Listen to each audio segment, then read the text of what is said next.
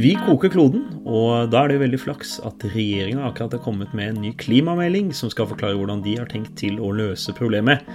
Mitt navn er Eivind Tredal, og i denne podkasten så intervjuer jeg folk med litt mer greie på klima og miljø enn meg, om aktuelle temaer. Og i denne omgang så har jeg fått tak i Elin Lerum Boasson, som er forsker ved Universitetet i Oslo og CICERO Senter for klimaforskning, og som særlig spesialiserer seg på EU og Norges forhold til EUs klimapolitikk. Og det er høyaktuelt i disse dager. Vi får bl.a. vite litt om eh, hvordan norsk klimapolitikk er vanskelig å forstå, selv for eh, forskere, og om hvordan klimapolitikken av og til ligner litt på en søppelbøtte. Så dette og enda mer får du snart eh, høre. Da er det bare å kjøre i gang.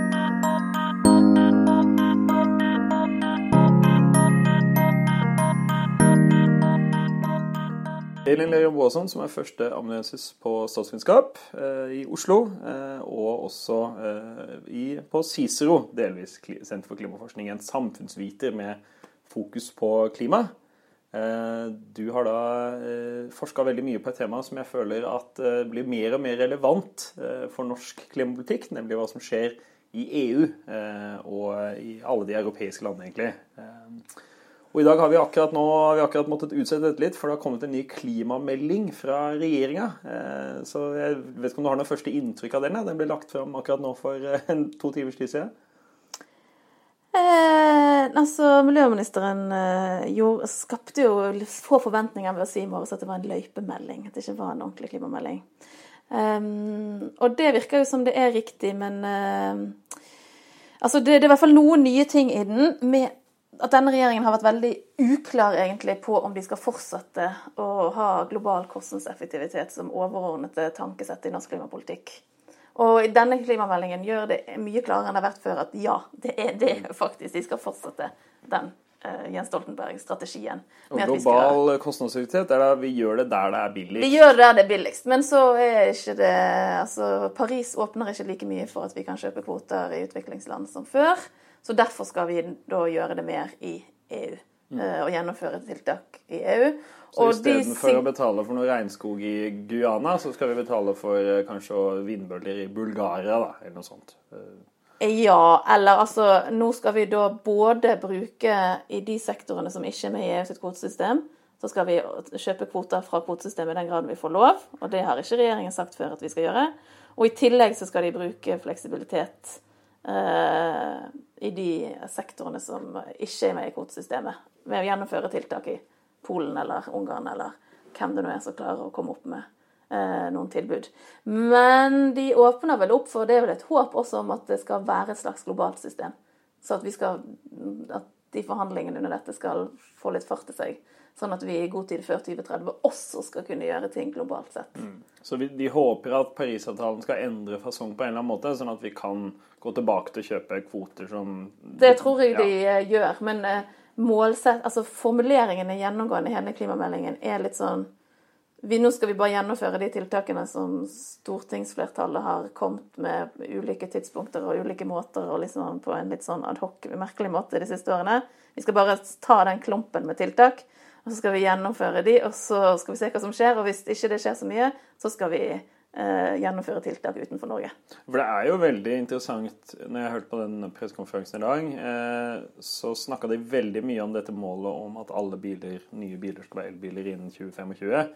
Og hvis jeg ikke husker feil, så var det nærmest noe som Venstre klarte å lure inn, og som Frp nesten ikke fikk med seg i første omgang i fjor. Jeg husker at Ketil Solvik-Olsen først ble veldig forskrekka da han så overskriften i avisa, at de hadde blitt med på det. Så det er liksom det er interessant at det først nærmest ser ut til å ha blitt et, uh, inkludert i regjeringens planer som et arbeidsuhell, og så er det plutselig liksom grunnplanken for alt som skal skje de neste 13 årene? Ja, altså Det er en statsvitenskapelig teori som heter garbage can, som du kanskje kjenner til. ja, den, jeg, den, eh, jeg, jeg, tok ikke master her på dette nei, huset, så det kan jeg gå glipp av. Den uh, går ut på at uh, alt egentlig er fullstendig kaotisk og tilfeldig. Og... Etter å ha jobba på Stortinget et år, så merker jeg at det høres veldig logisk ut. at... På Oslo vet, rådhus har vi full kontroll, skal bare si med en gang. Der er alt planmessig. Men på Stortinget Men uh, uh, garbage can går ut på at uh, det er tilfeldig når du får beslutninger. Mm. Og at det kommer litt an på hvem som har tid, og hvem som har mulighet, og hvor sleip de er på det gitte tidspunktet. Og klimapolitikken har jo vært litt preget av dette de siste fire årene. At uh, noen luringer fra forskjellige småpartier har prøvd å utnytte mulighetene maksimalt. Og ja, altså du... Poseavgifter og flyavgifter og masse ting som har kommet opp litt sånn uh, uten å ha vært del av en ordentlig prosess. da. Ja, for det, det, det, er jo det sprøeste av alt, at både da flyseteavgifta ble innført og med plastposegreiene, så har jo media plukka det opp, og så blitt overskrifter i avisene, og så har ingen villet stå inne for at det var deres idé. Så det var jo Siv Jensen og Trine Skei Grande krangla så Bustad føyk om hvem som egentlig hadde kommet opp med poseavgifta. Eh, og det samme med den der biodrivstoffsatsinga i fjor. Det var det jo ingen som ville vedkjenne seg. Eh, og så gikk all, all, all aggresjon i offentligheten gikk til slutt utover eh, Miljøstiftelsen Zero, tror jeg, eller sånt, som hadde fått ansvar for dette her. Men det, det, er jo en ganske spesiell måte å gjøre det på. Men det er jo litt med hvis Stortinget skal styre et politikkområde altså Det norske Stortinget, i motsetning til Kongressen i USA, og sånn, har ikke noe stort forvaltningsapparat til å hjelpe seg Nei. Så da blir det jo litt uh, altså Det norske systemet er ikke laget for at Stortinget skal være den hoved... Uh, så hvis du er lobbyist der ute, send bare en melding til en virksomhet stortingsgruppe. Så når det nærmer seg innspurt, så vil det i hvert fall med denne regjeringa Nå er jo sjansen gått over, da, men det har fungert en stund nå. Det har vært veldig lite planmessig utvikling av klimapolitikk i den perioden. Mm. Det må vi kunne si. Men i denne stortingsmeldingen så sier de OK vi bare tar det som ligger der. Og så legger ikke de noe opp til noen sånn store strategiske tanker. Bortsett fra at de tydeligere går tilbake til at hovedtanken er at vi eh, skal redusere utslippene der de er billigst. Og det er som oftest altså, ikke i Norge. Altså at vi skal kjøpe oss fri der ute i, i, i verden? ikke kjøpe oss fri. Nei, nei, altså, altså, ikke kjøp, altså, jeg, det er jo På folkemunne. Ja, på folkemunne, men det er, jo ikke riktig. Vi er veldig protestantisk innordna i Norge, og da tenker vi sånn at vi har en skyld, og at katolikkene vil at vi skal kjøpe avlat. Jo, men kjøpes fri så går det ut fra at det faktisk ikke blir faktisk reduksjon. Ja, nei, altså, vi, vi, kjøper reelle utslippskutt, formodentlig. Selv om ja. det ofte ikke det kan diskuteres da, om alle disse FN-kvotene har vært like. Det var en viss Erna Solberg i 2014 som sa på Høyres landsmøte at det, det, det var bare bløff med klimakvoter gjennom FN, og Ap har bare lurt hold folket for narr. og så tror jeg det tok et halvt år, og så hadde hun uh, tatt over Ja, ja. ja. Nei, det har vært uh, litt sånn det, det Vidar Helgesen har jo også sagt at uh, vi har aldri holdt noe klimamål, men nå skal vi holde klimamålene, og EU skal mm. hjelpe oss til å gjøre det. Men for å kunne holde klimamål, så må du faktisk lage klimamål. Uh, ja, og Det har vi jo akkurat vedtatt i klimaloven på Stortinget. Uh, men der står jo også låvedøra ganske åpen for å kutte utslipp i utlandet. Men jeg måtte tilbake og lese den i dag, for han begynte, Vidar Helgesen begynte å si et eller annet om at vi skulle kutte i forhold til 2005 eh, altså Det var litt uklart hva som var baseline for de kuttene han snakka om, men i klimaloven står det 1990. Så jeg gleder meg til de finner ut at de har vedtatt det òg, for da kan vi sikkert få en ny diskusjon. Ja, nei, men det, I noen av EU-politikken så er det 2005. Ja, ja, ja. Så det blir spennende å se hva de har lagt til grunn i sine nye eh, analyser nå av klimakutt framover. Men det var veldig uklart hva som var lagt til grunn her, egentlig. Eh, eller den oppramsingen av hvordan du skal få til tiltak. Men mm. det, finnes, altså det som er feil i det Vidar Helgesen har sagt, at vi har aldri holdt noen klimamål, det er at de klimanøytralitetsmålene vi har hatt, mm. som gjør at vi kan kutte mer enn vi har lovet fordi vi gjennomfører utslipp i andre land. Alle de har blitt Det, det, det har, har, vi gjort. faktisk kjøpt det har vi gjort. kvotene, ja. Det vi har problemer med, er de målene med at vi skal gjøre ting hjemme. Mm. Men de målene med at vi skal gjøre ting hjemme, det var jo Altså, først var det sånn uh, urealistiske mål på, på 90-tallet, liksom. Men det siste målet Stabiliseringsmålet det var ikke så urealistisk. Det var egentlig bare at vi ikke skulle øke utslippene fra 1990 til 2000. Men eh, det ble jo veldig urealistisk når man åpna opp alle oljefeltene på sokkelen så fort man kunne. Ja, ja. Mm. ja.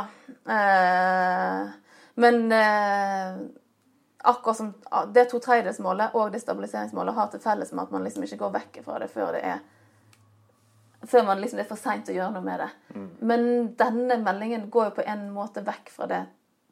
Uh, to tredjedelsmålet uten å si det. Altså, de refererer til konkretiseringer som kom i energimeldingen bare i fjor, var det vel? Mm. Eller var det overfor? Uh, og så bare diskuterer de det uten å si at det liksom, vi kommer ikke ned på 45 eller 47 millioner tonn. Det er, det er, litt frustrerende, for når du sitter i miljøbevegelsen og følger med på det her, så må vi liksom ta det for god fisk.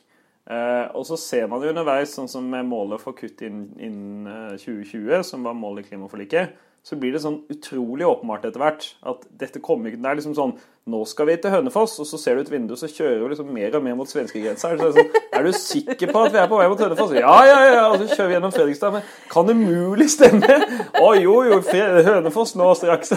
Og så, når det kommer til Svinesund, så er det Nei, det blir ikke Hønefoss. Sånn, ja, men hallo, det, vi kunne jo se det. Vi kunne bare innrømme det med en gang vi kjørte ut fra Ring 3, liksom. Ja, så på en måte kunne jo kunne Vidar Helgesen bare godt sagt at vi går vekk fra det to tredjedelsmålet nå, da. Men han, ja, ja. Han, jo, han, han, lanserte jo heller et nytt to tredjedelsmål. Ja.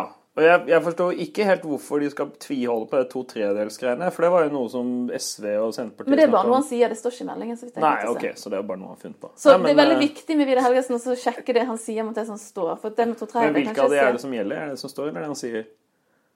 Så I en sånn lesebrevpolemikk jeg har hatt med han, så mente han at det var det han sa. Det er det han sa. Men hvis det... du følger liksom vanlige regler for politikkutforming, så er det det som blir viktig. Det er greiest at å ha det skriftlig hvis det er noe viktig. Nei, men altså, det er ikke sånn at uh, vi, statsråden i Norge er mektig, men uh, det er regjeringen som lager forslag, og Stortinget som vedtar gjeldende politikk. Han må jo få ting vedtatt i statsrådet og alt mulig. Kongen må signere. Det er mye som må på plass før det Men det er veldig gammelt triks at norske miljøpolitikere sier andre ting enn det som står i meldingen de legger frem. Ja. Ja, altså, eller man lager altså Nå har jeg f.eks. laga et nytt regnestykke. Ikke et helt nytt et, men, men nå, nå, har han konsekvent i dag snakka om totale tonn CO2-kutt innen 2030.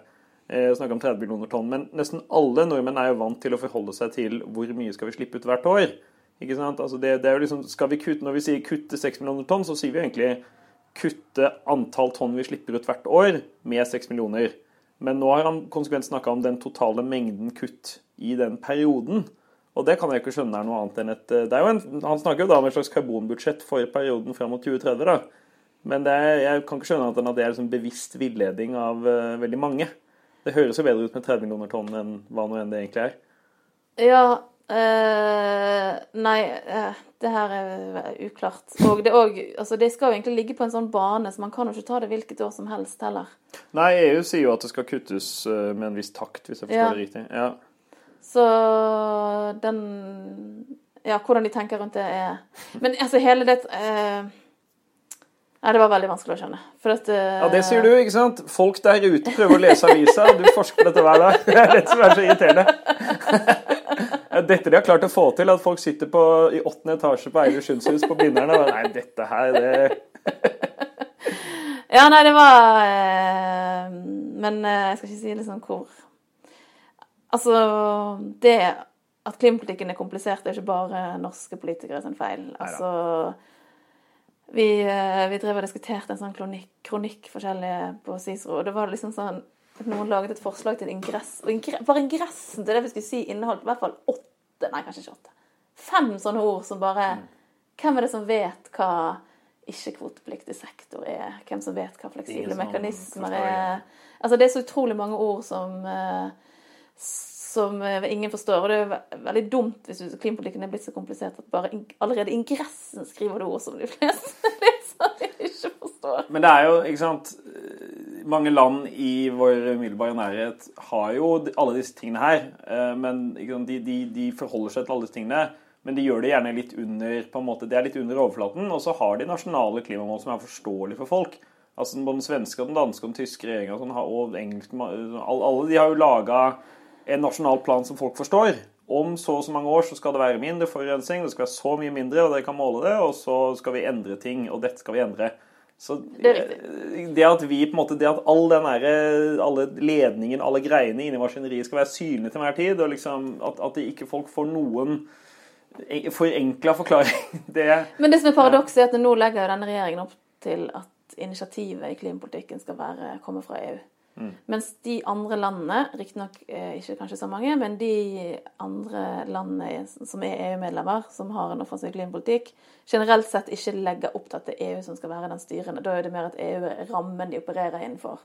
Og så lager man nasjonal klimapolitikk som passer de utfordringene man har nasjonalt sett. Ja, altså, Hva kan gå galt? Eh, jeg gleder meg til den dagen EU kommer med superstrenge krav og sier at uh, vi må legge ned den norske landsbygda fordi vi er nødt til å kutte masse utslipp i transportsektoren.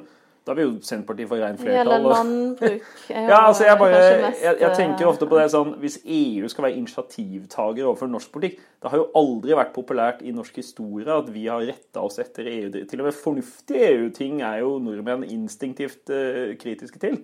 Der er jo for så vidt et godt selskap med mange land i Europa. Men det er jo liksom det er interessant det der at vi tenker at, at det skal falle i god jord i framtida. De Ja, det som var veldig spesielt, var jo at vi liksom frivillig, uten at EU hadde foreslått det, sa at vi ville være med på den innsatsfordelingsavtalen. For det pleier å være at EU egentlig foreslår at alt er relevant til å bli tatt inn i EØS-avtalen.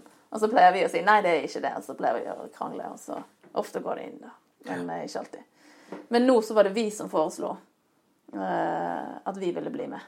Um, og det var jo egentlig det, det var jo på mange måter genialt, for det gjorde at denne regjeringen rakk å si noe som så ut som det hadde substans før Paris. Ja, Eh, selv om det egentlig var veldig uklart, i og med at vi skulle gjennomføre det sammen med Ja, for det, det viktigste som har skjedd i klimapolitikken under denne regjeringa, er vel stort sett at man har stått og sendt litt mailer sporadisk fram og tilbake til EU om ting som bare meg, jeg tror de har jobbet drithardt. Altså, de har fått okay, de har, inn de har liksom flydd også, økt klimagassutslippene. Ja, men de har fått til at EU refererer til Norge på en av de første sidene i et sånt Mm. hoveddokument for kommisjonen. liksom. Når får Norge til det?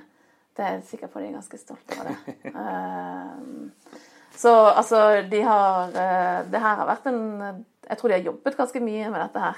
Det spørs om da Senterpartiet kommer til å opprettholde det trøkket. Men Senterpartiet var jo s- enig i dette når, når den meldingen kom. Og hvis de er så bekymret for eh, eh, EU og landbruk og sånn, hvorfor sa de ingenting om dette her eh, når den meldingen ble tatt i Stortinget?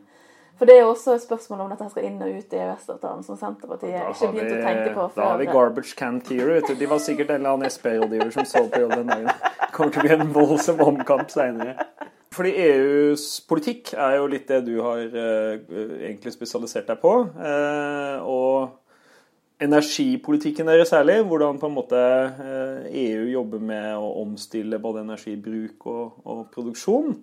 Eh, og så ser du jo det også litt opp mot Norge. Jeg vet ikke om du vil liksom eh, ja, Det er jo den historien om, om nordmenns forhold til verden. At den norske boka om elefanten handla om elefanters forhold til Norge. Men hva er EUs Første jeg vil spørre om, er hva er EUs, EUs klimapolitikk og energipolitikk i forhold til Norges? Er den annerledes? Altså Først så bare er det viktig å ha for seg at den er veldig, det er veldig omfattende. Altså det er veldig mye, EU har utviklet utrolig mye politikk på klimaområdet fra begynnelsen av 2000-tallet og frem til nå. Og at EU har eh, to sånne hovedelementer i klimapolitikken sin. Kvotesystemet, som er et markedsbasert system for kjøp og salg av eh, eh, utslippsrettigheter. Omtrent halvparten av utslippene. Og så har de noe som heter en innsatsfordelingsavtale, for å liksom ha litt kontroll på de tingene som ikke er i EUs kvotesystem. Og grunnen til at de har lyst til å ha liksom sånn ordentlig kontroll på de, det er at det er EU som har den internasjonale forpliktelsen. Så Sverige, Tyskland og sånn sammen eh, går har en internasjonal forpliktelse. Og det er spesielt for i mange tilfeller så er EU-landene de er liksom vanlige land i internasjonalt samarbeid, men ikke på klima.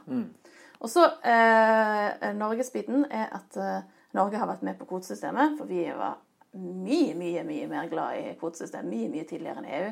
EU var imot dette her frem til 2000. Jeg husker jeg Norge var leste om, superglad eh, for det hele 90-tallet. Vi tusla jo bort til EØS-landene først, og så skulle vi bort til EU eh, i 1990 eller noe sånt. Og overbevise dem om at de måtte satse på 92. Ja, ikke sant? For vi skulle overbevise dem, og hvis jeg husker jeg leste en bok om dette her hvor, eh, hvor de, vi nærmest EØS-landene var helt forskrekka at vi kunne finne på å være så uforskamma at vi foreslo en løsning som i så stor grad var i norsk oljebransjes interesser, og så at vi nærmest ble ledd ut på liksom, det større møtet med EU, at det var liksom sånn helt Altså, EU var i hvert fall veldig altså, OK, nå ble det litt rotete, men la oss, la oss ta den kvotediskusjonen. Altså, EU prøvde i ti år å få til en uh, CO2-avgift.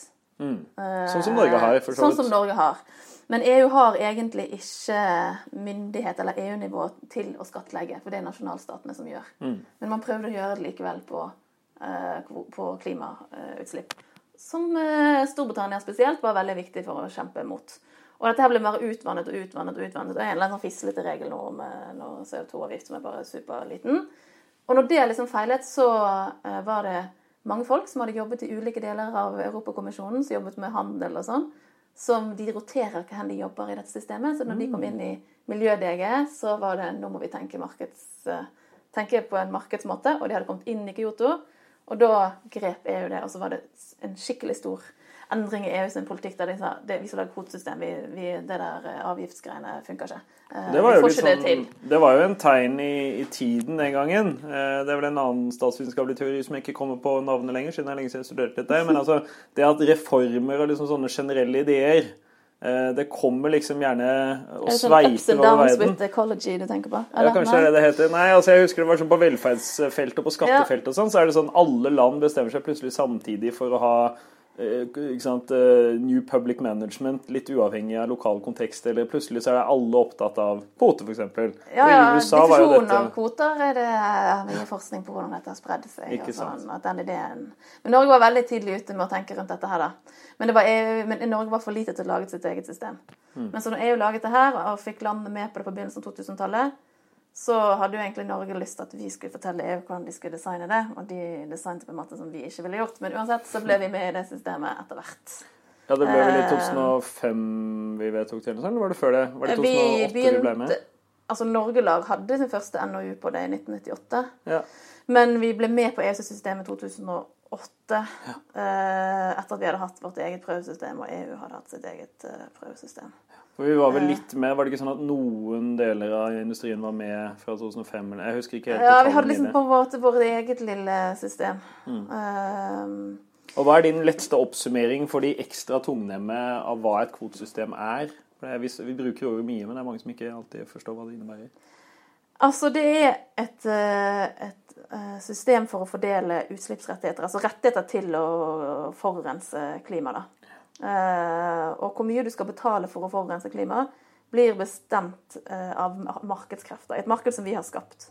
Det er jo flere markeder som er liksom Alle markeder er skapt. Ja. Eh, men da vil jo prisen du må betale for å Da kan du velge skal jeg betale denne prisen for å lov å forurense, eller er det mest lurt for meg å gjøre noe, en endre produksjon, måten jeg produserer på. Men dette systemet er bare for de store punktutslippene, og bare for CO2. Og punktutslipp, da tenker vi f.eks. på en stor fabrikk og ikke en bil som I de, alle europeiske land så gjelder dette i hovedsak energiintensiv industri. Sant? eh, Kjemikalier, sement, aluminium og kraftproduksjon. Og hovedsakelig kraftproduksjon, siden det er mye fossil kraftproduksjon i Europa. Men Norge er veldig veldig spesielle her, som vi er på veldig mange klimaområder, at det er oljesektoren som er dominerende innenfor dette systemet Og i fly, Norge. er ikke det? Å fly inne i Europa, er ikke de med i systemet? Eh, jo, nå eh, er ikke jeg så god på alle detaljene frem og tilbake på hva som skjedde med fly. Jo, på et vis så tror jeg det. Men eh, de store, de store liksom Altså i alle diskusjoner om, om kvotesystemet i Europa, så er det to industrier som er veldig aktive. Og det er energiintensiv industri og eh, kraftbransjen. Eh, I tillegg til olje, men olje er liksom Olje er litt begge deler for oss, da, fordi vi bruker jo da masse kraft på å produsere olje, og det er jo gasskraft i hovedsak, så du kan jo si at Norge har mye eh, fossil kraftproduksjon, men den er jo da tilknytta oljeinstallasjon. Den er ikke koblet til det stasjonære energiforbrukssystemet vårt. Ennå, Men men uansett, nå- bare ja. for, for å få frem EUs klimapolitikk, så må jeg bare si det her med Mm. den innsatsfordelingsavtalen. Det er en grunn til at Norge ikke har vært med på den, siden vi har vår egen forpliktelse internasjonalt. Mm. Derfor har vi aldri vært med på den. Men EU har laget veldig mye annen klimapolitikk under den overordnede paraplyen. På energieffektivisering, fornybar energi, alle mulige slags merkeordninger, bil, eh, altså bilmotorer, eh, informasjons... Altså det er ganske bredt spekter av virkemidler der, som alle har vært EØS-relevante. Så vi har, vi har vært litt inne i EUs klimapolitikk? Vi har vært veldig inne i Ja. EUs klimapolitikk, men ikke akkurat det overordnede systemet som setter et slags tak for hvor mye de sektorene utenfor kvotesystemet skal slippe ut. Men det er jo en ganske logisk, altså med tanke på hvor innvevd vi er i det europeiske markedet, at når EU skal ha en felles eh, energipolitikk eller en felles eh, standard for biler og alle sånne ting, det er liksom hver gang EU får en god idé, så påvirker det oss på en eller annen måte. Så det er vel ganske uunngåelig på en måte at det ble sånn. Eh, på mange ting så har Norge sagt vi skal bli med uten at man har egentlig hatt noen ordentlig vurdering av konsekvensene av det. For på vi ble med på det første fornybardirektivet i 2001. Så jeg tror det var veldig få som skjønte hva det innebar. Og det var i hvert fall klart når vi ble med på eh, altså det direktivet for bygningers energiytelse, så var jo hele stortingsmeldingen bare preg av at man ikke hadde skjønt eh, hvilke ting man måtte gjøre. F.eks. dette med å ha en energimerking på alle leiligheter, som vi nå har som kanskje noen legger merke til, kanskje ikke alle. Jeg legger veldig godt merke til det. Når du kjøper og selger leiligheter. Alle leiligheter. og hus jeg kikker på, har sånn F minus. For jeg har lyst på sånn koselig trehus, og så er det alltid liksom klima... Ah, det er Nerden som tenker nei, nei, nei, nå bor jeg i en EU, eh, sånn Obos-leilighet med perfekt energisystem, og det vil være et svik mot mine idealer å flytte inn i en sånn koselig tregård. Ja, nettopp. Mm. Eh, men det er eneste som har et sånt eh, webbasert eh, system som er, som er basert på at man skal være ærlig på hva man legger inn i dette systemet. Som Altså tillitsbasert. Ja, eller egentlig så skal det jo skal man utdanne en hær av eh, eh, sånne som skal drive og eh, sjekke. Eh, Her har du masse grønne arbeidsplasser. Og det har vi ikke gjort, og vi fremdeles er uklart siden vi har latt være å implementere energieffektiviseringsdirektivet etter det. Vi gjorde det første gangen. Eh, om, dette er, om, om det er lov eller ikke å gjøre det sånn som vi gjør det. Men det du beskriver da, er vel at det er en slags eh, litt glidende overgang da, fra Fordi når vi nå får en ny klimamelding fra regjeringa, når regjeringa på en måte har gjort det til sitt lille prosjekt da, og integrerer Norge mer i EUs klimapolitikk, så, så er vel det kanskje mer en kontinuitet enn brudd i det? Eller er det noen sånn substansielle, store skifter der eh, når, når de gjør det?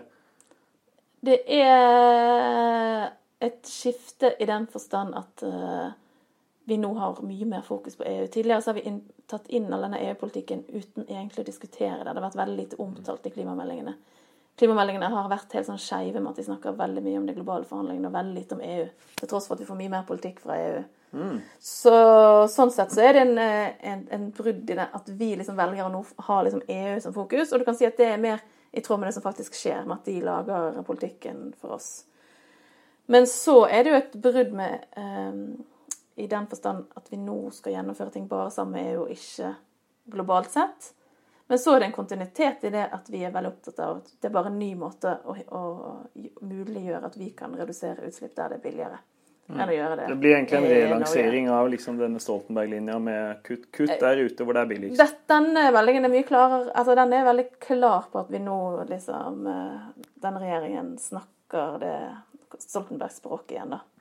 Um, men men ehm, Ja, altså det er både en kontinuitet og, og en endring, men jeg er bare opptatt av at det med å snakke om altså Klimapolitikken er veldig vanskelig nå. Veldig mange vanskelige ord. Veldig vanskelig å forstå hva som skjer. Og så har du det laget av EU-politikk som gjør det ekstra vanskelig, for det er veldig få har oversikt Ingen over har peiling på EU.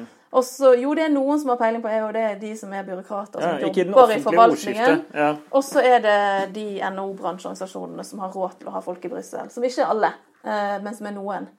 Og det, tidligere har vi sett at de som kan mye om EU, har stort rom til å fortolke EU-politikken i tråd med sånn som de eh, enten har utdannet seg eller er opplært til å, å tenke. Og det eh, har vært eh, har redusert politikernes mulighet til å styre, og redusert miljøbevegelsen sin påvirkning. Ja, for jeg tenker på det, altså Jeg har jo nå en kollega, tidligere Bellona-medarbeider, eh, som er veldig eh, har peiling eh, på EU, mye mer enn jeg har. Og når hun kom trekkende til meg med sånn 'Nå må du sjekke den nye vinterpakken fra EU', så er det sånn 'Hæ?' Og det, liksom, Hva er det for noe? Nei, det er en gigantisk er det må du sitte og sette deg inn i, ikke sant? Og da innser jeg liksom, da etter å ha jobba i Naturvernforbundet i flere år, hvor utrolig lite fokus vi har hatt på de greiene her i forhold til hva slags innflytelse det faktisk har på politikken. Og det, det er jo et paradoks da, som du er inne på, at da blir jo også dertil på en måte lobbyistmakta eller eh, det offentlige ordskiftet, alle de der andre kildene til, eller kanalene for politisk innflytelse, blir jo veldig liten for alle som ikke har eh, EU-nerder blant sine rekker, da. Ja, det er i hvert fall en må Altså, det eh, Man kan bruke EU-ekspertkunnskap til å øke sin påvirkningsmulighet. Men noen ganger, sånn som f.eks. alle disse byråkratene som har som ansvar å sørge for at vi får godkjenning av ESA, det kontroll, kontrollorganet for norsk politikk Altså Hvis ikke de får noen politiske eh, signaler om hvordan de skal opptre altså De må gjøre noe. Så noen ganger så er det jo at det er et eh, større etterspørsel enn tilbud etter politiske signaler om, om, om, hvordan, om hvordan vi skal forholde oss til EU sin politikk. Og da får vi sånn aktør-agent-problematikk. Jeg husker noe fra statsministeren. Jo, jo, men det er altså på noen måten da kan man si at sant, Oppdragsgiveragent, nei, prinsipalagent. Ja. Der kom den. Men man har eh, Altså, i, i Norge så er forvaltningen sterk. Ja. Sant? I Storbritannia så har man mer sånn, der har man en klimalov med et ekspertutvalg utenfor eh, byråkratiet. Sånn. Det prøvde vi å snike inn i klimaloven. Men i Norge driver ikke vi sånn. I Norge så det har byråkratene mye makt. Ja, for at Marit Arnstad møtte han der eh, lord Devon, og hun syntes han var så arrogant og ufyselig. Og jeg tror det var da den planen om sånn uavhengig ekspertorgan døde, døde totalt. Jo, men jeg tror det er veldig unorsk da, å gjøre det, for vi stoler mer på byråkratene enn vi stoler på sånn universitetsansatte mennesker. Skumle Men- akademikere. Men eh, og Hva var det resonnementet var i nå? Jo, um, uansett så Altså Noen ganger kan du si at byråkrater er sleipe og, og prøver å få det på sin måte, men andre ganger så, så bare prøver de så godt de kan. Og får ikke noen politiske styringssignaler, så må de jo bare altså De må jo sørge for at ting går rundt, liksom. Og i klimapolitikken så er det jo Som du sier, det offentlige ordskiftet er på veldig ofte på et veldig, veldig annet sted enn det den praktiske hverdagen er i å gjennomføre EU-politikk. Eh, og det, det Hvis ikke de er liksom noen kobling mellom de, så, så er det i hvert fall ikke politikerne som styrer. Si det sånn. Uansett hvem politikere det Men snakker om. EU, når du da snakker om at de har vært veldig på liksom ja, foran eller fram, foroverlent på energieffektivisering, på fornybar energiproduksjon, Uh, og Norge har vært litt med på det, men, men eh, Norge har vel på en måte egentlig vært litt sånn fornøyde og lent oss litt tilbake med at vi har så mye vannkraft og sånn. Altså er det ikke liksom en det er vel en slags eh, forskjell mellom oss og dem der? Altså at Norge er et rart land sånn rent utslippsprofilmessig? Men det er det du mener? Ja, ja. vi er kjemperar. Det, det, det, det er jo ingen andre land i verden som har 99% eh, vannkraft i elektrisitetssystemet sitt. Det, det er helt utrolig rart. Og så er det ingen som har så stor andel av utslippene fra petroleum. I hvert fall av de Av rike Av rike land. Saudi-Arabia Ja, ja. og Qatar, liksom. Men altså av rike land som, som har en konstruktiv rolle i internasjonal klimadiskusjon. Men den, og den, og den, det at vi har begge deler samtidig, er også spesielt. Men det er også spesielt at vi har et så veldig godt nordisk marked der vi er så tett integrert med vår, altså nordisk elektrisitetsmarked. Kraftmarked, Eh, der vi egentlig eh, altså vi helt, henger kjempemye sammen med våre naboer, men vi har ikke noe system for å lage felles energipolitikk. Ja, sammen med våre naboer. Danskene kan jo da kutte masse utslipp eh, med vindmøllene sine, delvis fordi de får stabil vannkrafttilførsel fra oss eh, og kan legge ned kullkraftverk. Det, kan, altså det er jo en veldig gunstig ordning, det her. Ja, det er jo gunstig, men det er jo litt ugunstig for Norden at vi har for mye fornybar energi. Og at det liksom er blitt eh, vanlig å se på som et problem i norsk eh, og svensk. Og det, jeg, vet, jeg, har, ikke så mye peiling på Danmark, men i hvert fall det er vanlig å diskutere dette et problem. Ja. Vi har for lave, for lave priser fordi vi har for mye fornybar energi, mens resten av Europa skriker etter mer fornybar energi. er. Så er vi jo veldig eh, Ja, Vi, vi er veldig eh, ikke på linje med de, de diskusjonene som går i Brussel. Ja, altså I naturverndiskusjoner så er jo alltid refrenget at vi har allerede nok kraft, så vi trenger ikke flere vindmøller. Eh, og det er jo interessant med tanke på at det da, som du sier, er enormt mye energi på Ja, men det er jo eh, riktig eh, i Norden nå. Eh, med mindre Sverige gjør noe dramatisk på atomkraftsiden. Eh, som jo er en litt sånn joker i systemet. Men eh, vi har jo ikke nok fornybar energi i Europa. Altså, og i hvert fall ikke hvis vi skal utfase eh, atomkraft, som er stor i mange europeiske land. Ja, Tyskland og Frankrike er jo kjempe Og Finland òg, for den saks skyld. Ja. Storbritannia bygger de jo nytt atomkraftverk Ja, de bygger nå. det som er dyrere enn vindkraft, hvis jeg ikke leste feil. Eh, Ja, ja, Per ja. kilowatt-time. Ja, nei, det Og kineserne skal betale for det! Eh, veldig mystisk eh, prosjekt. det, det kunne vi sikkert snakket lenge om. Ja, det, jeg har bare lest et par artikler, men jeg, jeg tror den ene overskriften var 'The maddest project ever conceived in Britain'. Så den er virker Jeg har en spennende. som har jobbet mye med dette, og det kunne vært skrevet mer, for å si det sånn, eh, om det Hinkley-prosjektet. Men uansett så, så er det altså, et veldig stort paradoks med at vi trenger mye, mye mer fornybar energiproduksjon i verden, i og, med at det er, og i Europa, siden du har eh, Altså fossil energi dominerer så dramatisk. Men vi har, vi, akkurat nå vi i har vi ingen eh, god eh, relasjon mellom at Norden har helt, helt andre utfordringer enn resten av Europa. Ja, fordi at Norge og Sverige har jo nå egentlig hatt et spleiselag for å bygge fornybar energi gjennom disse grønne sertifikatene. Vi skulle bygge Hvor, hvor mye var det? X antall Ja, jeg er så terawattimer. dårlig på å huske sånn Ja, eh, det var, vi skulle bygge mye fornybar Ja, energi ja. fram mot 2020, og så er vi vel snart ferdig med det. Og så er det ikke noen plan videre for hva vi skal gjøre. eh, Norge har ikke noen plan videre for eh, å støtte støtte, i hvert fall å gi eh, driftsstøtte til eh, ny fornybar energi. Men Sverige skal fortsette med grønne sertifikatsystemet som om alt er som før. For da er vel vi liksom et av de eneste landene som ikke driver og subsidierer fornybar energi? da? I Europa. Ja. I EU. Og det er veldig rart. Det, ja, så du kan, på en måte er det jo superrart. På en annen måte så har vi jo allerede 99 i el. Ja, ja. Altså i eh, elektrisitetssystemet. Men vi har jo ikke det hvis du, hvis du tar inn transport og, og sånn. Så har vi jo fremdeles eh, eh, mer fossil. Men Eh, teknologiutvikling er vel en, en bit av det. For at danskene særlig Jeg liker å prate om dem, skjønner du, for de hadde jeg med i masseoppgaven min. Men eh, det jeg syns er fascinerende med særlig danskene, men også Tyskland for så vidt, er jo at nå er det jo mange sånne markeds... Eh, folk som er opptatt av at markedet er en del av løsninga, som jeg er helt enig i. Eh, de sier sånn Nå kommer den store revolusjonen. Det har ikke noe å si hva Trump gjør, eller hva myndighetene gjør, fordi eh, nå skjer vindkraft og solkraft en revolusjon av seg sjøl. Og så er det sånn Den kommer jo ganske mye fordi Tyskland og Danmark og et par andre land har subsidiert dette i huet og ræva i, i mange år, og så har det blitt lønnsomt etter hvert. Og det er jo ofte sånn det er sånn at om Norge da teorien hadde hatt veldig ambisiøse planer for vann, eh, havbasert vindmølle eller et eller annet, da, så kunne jo vi i teorien ha høsta de samme gevinstene en gang i fremtida. Ja ja, men vi har jo ikke Altså Norge har ikke en tradisjon for å tenke at vi skal bruke klimapolitikken for å bygge nye næringer. Sant? Det, vi har jo mer for å beskytte den næringen vi har. Ja, er, Mens vi skal Sverige beskytte Norge jo- mot klimapolitikken, er vel på en måte Ja, men både Sverige, altså spesielt Danmark, men Sverige også har jo mer en sånn Det å tenke industripolitikken har vært mer integrert i, i eh, klimapolitikken. Men, men eh, eh, Bare tilbake med, med det at ikke vi har støttesystem for fornybar Altså, energi. fornybar energi så er det veldig veldig rart, men nå står, skjer det store endringer i måten fornybar energi støttes i hele Europa, som på en måte beveger seg litt mot et sånt mer, At de tenker mer marked. da. Og Det henger sammen med at vi har også et marked, kraftmarked, mens de andre landene egentlig ikke har kommet så langt med å legge om til et markedsbasert system. De må dilte etter Skandinavia. det, Når de skal Ja, men nå, altså EU har jo ønsket egen, altså kommisjonen, store deler av eh, EU-kommisjonen har jo ønsket at vi skal lage et, eh, et markedsbasert system for hele Europa, støttesystem, for å sørge for at vi bygger ut vindkraft der det er mest lønnsomt i Europa, eh, og at vi skal tenke liksom europeisk på energisystemet. Og det er bare helt crazy å få til, for dette her er, altså det er akkurat som politi og brannvesen. Altså, Det er liksom sånn en kjerneoppgave for nasjonalstaten, føler de fleste medlemsland i Europa. Men Norge, når vi gikk sammen med Sverige, så viste det jo vei. Det er mulig å lage sånne systemer der vi samarbeider mellom land på energipolitikken.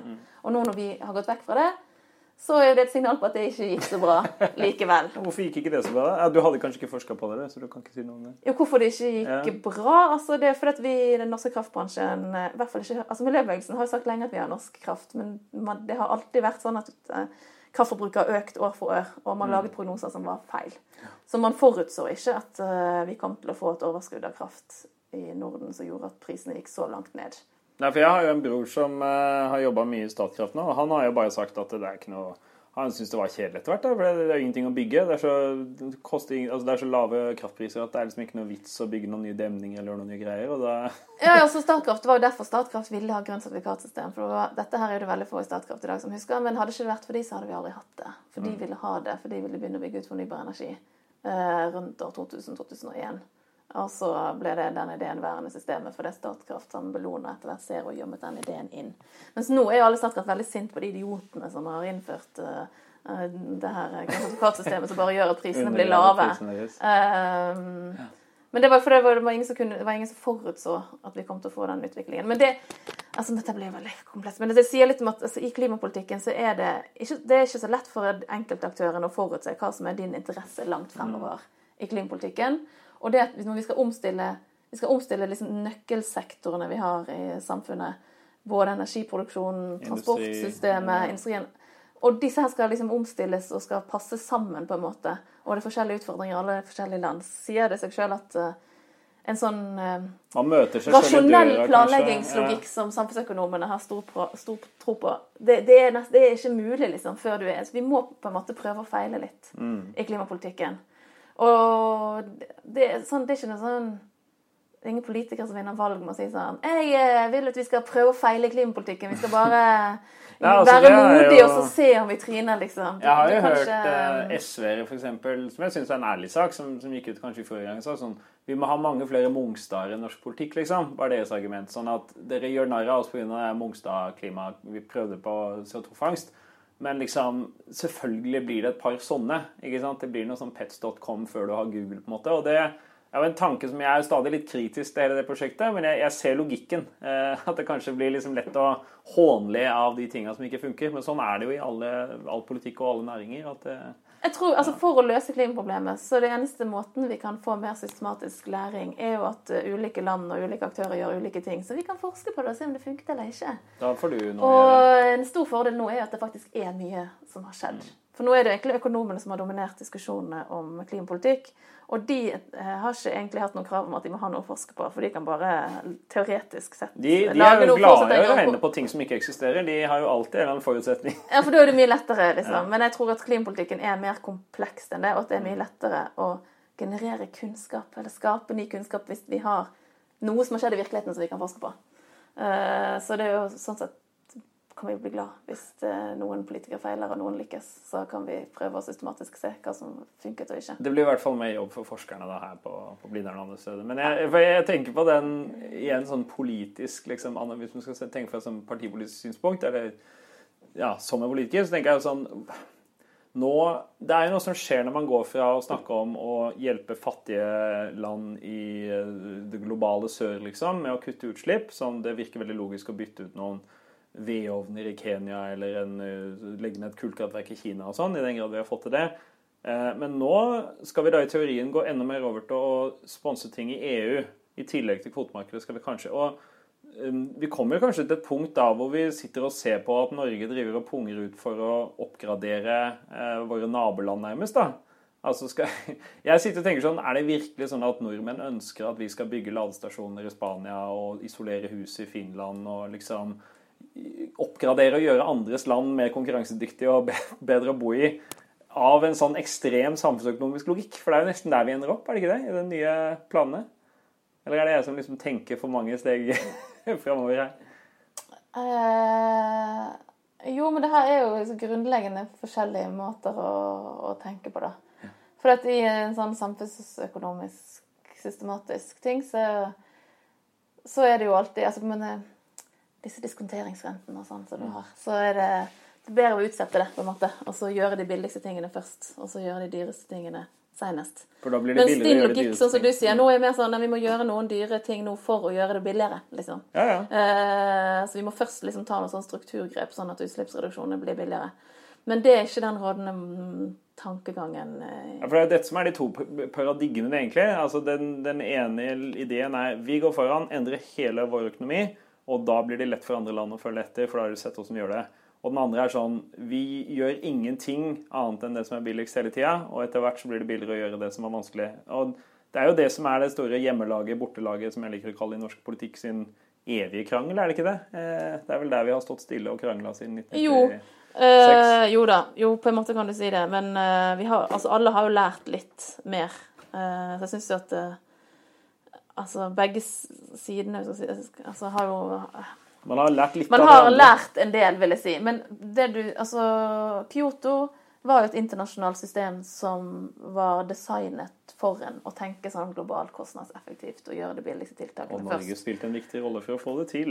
Ja, det gjorde de, men det var jo også et system som muliggjorde at vi kunne ha disse her eh, ambisiøse nøytralitetsmålene og sånn. Mm. Mens Paris er jo egentlig ikke det. Paris Det er veldig rart at norske myndigheter er så fornøyd med Paris, for det er jo alt de ikke vil ha i klimapolitikken. Jeg snakka med den kvoteelskeren Ketil Lund, og han brukte lang tid på å prøve å forklare meg at Parisavtalen allikevel åpner for kvotekjøp, men jeg har ikke klart å finne jeg, har lyst til å ta en prat med han på denne podkasten også, for jeg er spent på å høre rasjonalen. Men, Ja, altså det eh, er jo noe Det kom jo inn veldig overraskende noen formuleringer om at man skal lage et system. ja. Eh, Så det skal Det, Det ligger er en ambisjon om dette. Ja. Ja, som var overraskende at kom inn i det hele tatt. Eh, Men vi vet ikke hva som kommer ut av det ennå. Men han er opptatt av at man skal linke kvotesystemer, og kanskje dermed så vokser det liksom sånn eh, fra bunnen og opp til slutt et globalt eh, kvotesystem. Men eh, det var mye lettere i 1998 å argumentere for at vi snart får en global pris på CO2 som gjør det mulig å virkelig definere de utslippskuttene som er billigst, og ta de først. Mens nå, er, nå Paris er liksom siste spikeren i kisten på et sånt system, i og med at det nå skal være nasjonalt initierte planer. Og det er ganske sprøtt, for det trodde jeg også da jeg satt der i Paris. Ja, da var den diskusjonen over. Da blir det ikke noe global pris på CO2. Og så har jo Erna Solberg og andre gått rundt og babla om global pris på CO2 i mange fora etter det. jo, men dette sitter så i ryggmargen i Norge. altså Det er bare så institusjonalisert. Men det er liksom så sprøtt, for det er akkurat som du Ja, nei, det, det kommer verdensfred. Har, det er en ambisjon om det i FN. sånn at vi tenker å investere i forsvar, vi. Det er liksom, det er vi tror det er en åpning for verdensfred på sikt. Nå er jeg redd for at det faktisk er norsk forsvarspolitikk. Men, det, men det er liksom et eller annet Skal du avsløre sånn Miljøpartiet sin veldig aggressive forsvarspolitikk? Ja, vi, vi skal, nå skal vi ruste opp hele landet. Alle skal ha en AG3. Nei, vi er jo ikke, vi er ikke det mest militante, men det er fascinerende eh, å se den liksom, ideen om at det kommer noe. Men helt til slutt, eh, en, en, diskusjon som vi var litt inne på i stad, er jo dette med det når du som, som, som liksom, forsker, og akademiker, ser på klimapolitikken, så er det jo ganske interessant nettopp dette her, da, med hvilke eh, hva skal man si, akademiske eh, greiner som har dominert, og hvordan man nå på en måte statsvitere og samfunnsvitere eh, kanskje får en viktigere rolle i, eh, i klimapolitikkutfordringa. Naturviterne har gjort mye jobb og, og gitt oss teknologi og, og sånne ting, men ja. Hvordan syns dere ligger an, statsviterne?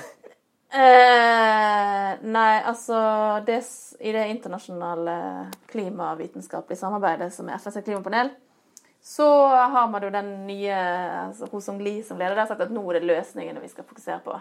Og det er òg en, en, kobling mellom disse FNs klimapanelprosessene og eh, klimaforhandlingene, da, mm. der man ønsker å spille inn løsninger. Men dette her er veldig vanskelig å få til i praksis. For ja, fordi en samme... samfunnsviters eh, argumenter blir, det blir jo sjelden sett på som like nøytralt som en uh, geolog. Uh, hvis man sier vi tror at folk liker denne skatten bedre enn denne skatten, eller vi tror at dette ja. Dere burde la Høyesterett bestemme istedenfor Men nå er det ingen vitenskap som noensinne er objektiv, vil jeg si. Verken naturvitenskapelig eller samfunnsvitenskapelig. Men det er litt lettere Jo mer tall du kan slå i bordet med, jo mer objektivt virker det. Ehm, men eh, det som er Altså hele FN sitt eh, forskningssamarbeid er jo laget for å få frem det naturvitenskapelige grunnlaget. Og det er liksom mm. bare fantastisk hva eh, modeller man har, og hvor mye både hjernekapasitet og datakapasitet vi har til å drive med de tingene der. Det er et flott system for det. Og så har det vært en god del økonomer som har vært med og jobbet i dette systemet, men i de rapportene som har kommet tidligere fra Klimapanelet, så er kvaliteten på de det, det kapitlet som ser på mitigation, eller mm. løsningen, den er jo veldig lav. Mm. Uh, og stort sett så er det veldig lav nytte. Det er liksom sånn formuleringer som er sånn Noen liker overordnet økonomiske virkemidler, og andre liker sektorspesifikke eh, teknologivirkemidler. Og eh, det er umulig utenfra vitenskapen å si hva som funker best. Mm. Men det hadde jo vært bra hvis vi hadde kunnet systematisere den kunnskapen vi har på en bedre måte, sånn at vi kan si noe om ja, når er det det ene funker, når er det det mm. andre funker, hvordan kan disse liksom, tingene spille sammen. Hvis landet tar den typen økonomi, kanskje du burde vurdere dette Men det er jo klimaforhandlerne som bestemmer litt hva som skal uh, Hvilken vitenskap som skal lages gjennom FNs sitt uh, vitenskapelige samarbeid. Og de fleste landene ønsker jo ikke at forskere skal drive og tulle så mye borti de politiske virkemidlene. De vil ikke ha en sånn platonsk idealstat, men uh, Nei, de er veldig skeptiske til uh, formuleringer på at man skal forske på politiske virkemidler og mm. effekter av de. Og, og, da kommer man jo ikke så veldig langt. Men man kunne jo snike noen ting, ting inni der, men da da Altså, vi har jo ikke Altså, det begynner å bli noen sånne databaser nå over klimapolitikk, men de er helt nye og veldig mangelfulle. og det, er noen databaser som viser oversikt over hva, hva politikk vi har. Men hvis vi skal få inn ting som skal forklare hva er det som fører til at ulike land gjør ulike ting, så trenger vi et kjempestort samarbeid mellom ulike, del, ulike samfunnsvitere. Både de som jobber sånn kvalitativt og går dypt inn i en, et land eller en sektor og prøver å se hva som skjer og de som lager store datamodeller. Og det kommer til å kreve vanvittig mye penger og ressurser skal man gjøre det. Og det er jo ingenting som tyder på at, eh, at noen land, og i hvert fall ikke Norge, er klar for å finansiere et uh, ordentlig løft for å få til en systematisering av den kunnskapen vi har. Det er jo veldig spennende også nå som på en måte erfaringene tikker litt inn da, fra flere land som har prøvd diverse eh, innfallsvinkler, så skulle man jo ønske at det gikk an å, å, å trekke mer systematisk lærdom av det. Ja, ja. Så du, man, I og med at det har i hvert fall er mer ting å forske på, så er det i hvert fall eh, et problem. Det var jo lenge var at det var ikke så mye som skjedde. Men nå er det jo uh, altså Etter Paris Statistikken særlig, på Ja, altså, det er ofte sånn at man lager klimapolitikk i forkant av store møter. Ja. Altså, det var jo egentlig i forkant av, av København så var det veldig mye som skjedde, spesielt i utviklingsland, at man gjennomførte mer klimapolitikk enn før. Men det er jo ganske altså skal vi virkelig finne ut dette, så må vi jo sammenligne ulike sektorer, ulike land og ulike sektorer og ulike utfordringer. Uh, for det er jo både noen interessante ting med at det som er mulig i ett land, kanskje ikke er mulig i et annet land. Og sånn, Tyskland er jo et land der uh, ledende politikere reiser rundt i verden og sier sånn Å, vi har 384 klimapolitiske virkemidler. Og når de kommer til Norge og slår seg på brystet og sier det, så holder jo norske Eh, forvalt, altså folk som byråkrater i Norge liksom, Det faller jo av stolen i sjokk og vantro at noen kan stå og skryte av at de har så sinnssykt mye virkemidler. Mm. For det, eh, vi skal ikke ha mer enn to. Vi skal, vi har, skal bare ett virkemiddel. Vi skal ikke dobbeltregulere noe. Kvoter. Det er det er økonomisk overliggende. Ja. Så Norge og Tyskland er veldig veldig, veldig forskjellige i måten man tenker om hva som er smart klimapolitikk. Og, og det er vel også litt forskjellen på Norge og EU, er det ikke det? Dit EU går, går eller dit Tyskland går, går vel også EU i stor grad? Ja, bare at det blir masse kompromisser i forskjellige retninger retninger. Men det er liksom Ikke nå lenger, for England skal ut. Ja, ja så det er Storbritannia som har vært Norge sitt land i EU-diskusjonene.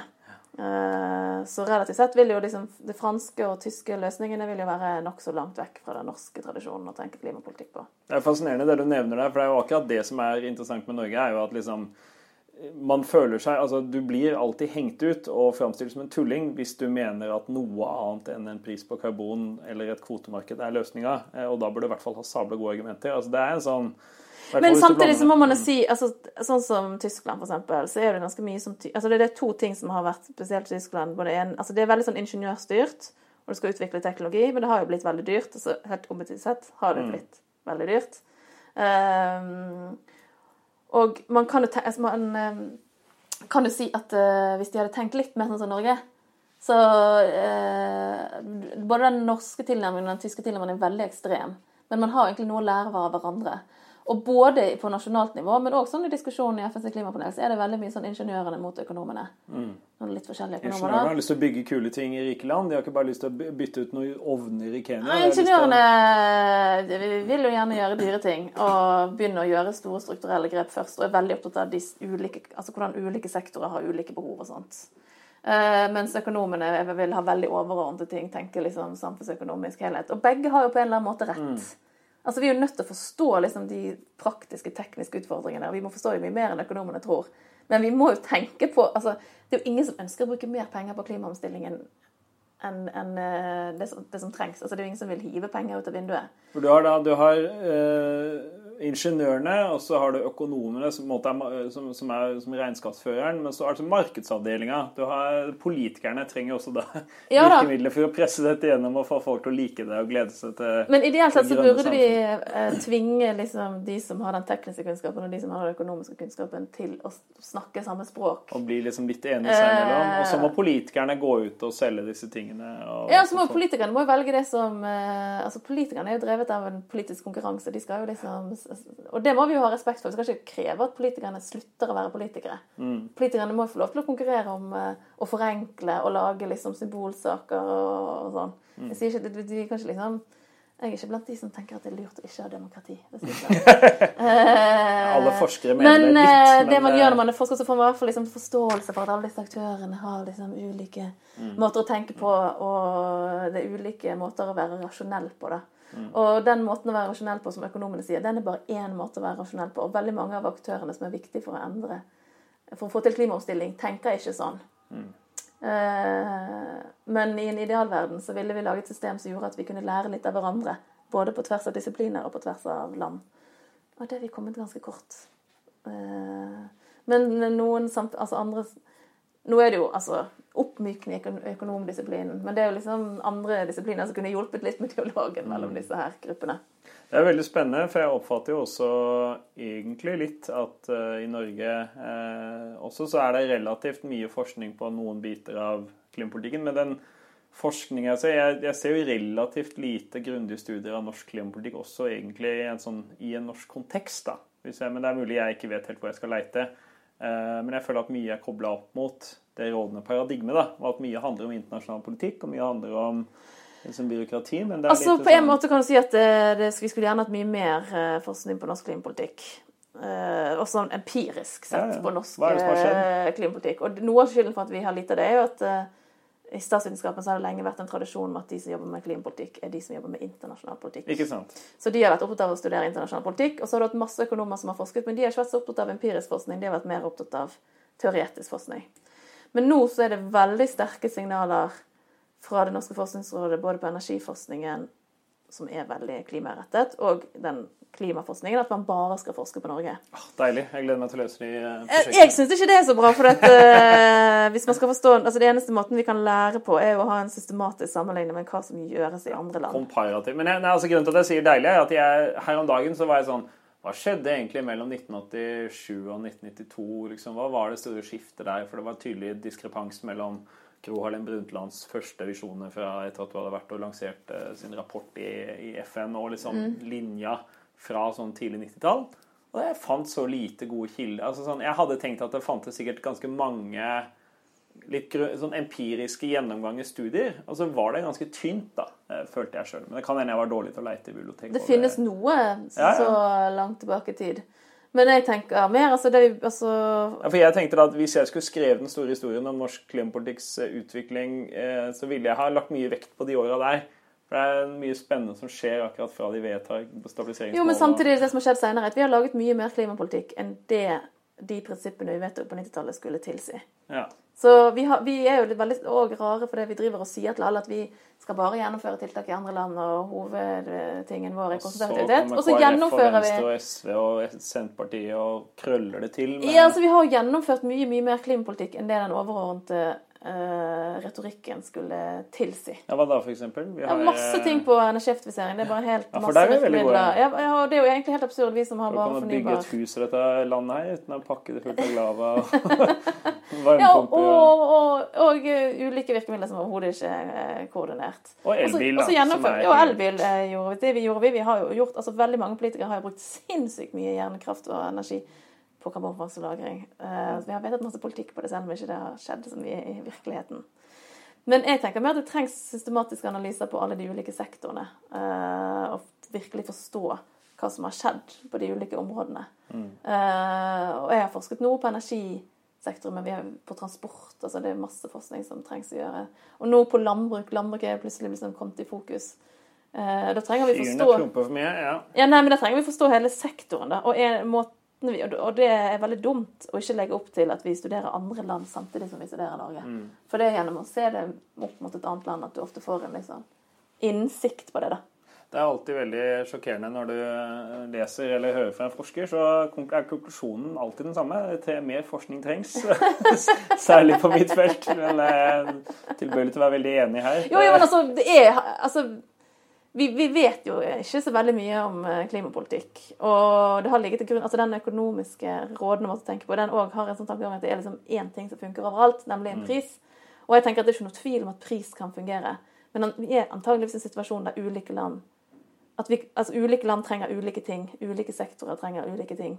Eh, og at da trengs det forskning for å få frem det. Men da må man jo på en måte ta inn over seg at eh, at de politiske systemene i forskjellige land eh, gjør det mulig å vedta forskjellige ting, f.eks. For, eksempel. for vi kan liksom ikke Altså det er noe statsvitenskap som er sånn eh, Er det lurt å ha presidentsystem, eller er det lurt å ha Ja. parlamentarisk system? Og nå er det mange som er opptatt av klima, men det er veldig få som bare Oi, shit, det er dumt å ha presidentsystem, så tror vi legger om til Ja, da- parlamentarisme for å løse Hvis, klimaproblemet. klima, hvis det er slik vi gjør det Vi må tydeligvis ha en uavhengig domstol som Ja. Man, man vil ikke gjøre den type endringer for å løse klimaproblemet. Det blir ikke noen liksom- forfatningsmessige konsekvenser av klimapolitikken sannsynligvis med det første i, i Europa. Nei, nei, men det finnes jo statsvitenskapelig forskning som viser at noen politiske systemer håndterer klimaproblemer bedre enn andre. Mm. Men da må man jo heller finne ut hvilken klimapolitikk kan man få til i de forskjellige systemene, istedenfor å endre Vi grunnleggende anbefaler oppbygging. dere å bli et land som ligger lenger i sør, og som er mindre avhengig av transport. Nei, det pleier jo ikke å funke så bra. Kanskje det skal en protestantisk arbeidsmoral? Har du tenkt på det? Ja. Nei, men det Det høres ut som du har en god case for at vi må ha mer forskningsmidler på dette. Og nå kan vi jo snart uh, Ikke så mange som hører på meg, da, men jeg Nei, det, det kan du si. Etter denne podkasten blir det nok Nå blir det eksploderer lyttetallene. Jeg har en uh, bekjent på Facebook som, uh, som jeg jobber på et institutt her på Senter for utvikling og miljø, som la ut noe sånt som at han har fått melding du har fire engasjerte lesere på din forskningsartikkel! Dette er jo ny pers. Nå tar det av her, fanklubben. Men uh, Jeg håper du har flere Jeg tror jeg har litt flere lyttere enn det, skjønner. Ja, jeg håper det. Du har flere, flere lyttere enn uh... Flere enn det som leste masteroppgaven min nå. Som uh, ja, komparativ studie av miljøtiltak i forskjellige land. Så det, jeg har gjort mitt. Ålreit. Jeg får bare si takk. Vi skal gå tilbake til å prøve å grave oss ned i hva som faktisk har kommet i den klimameldinga i dag, tror jeg begge to. Og finne ut hva som, hva som skjer videre.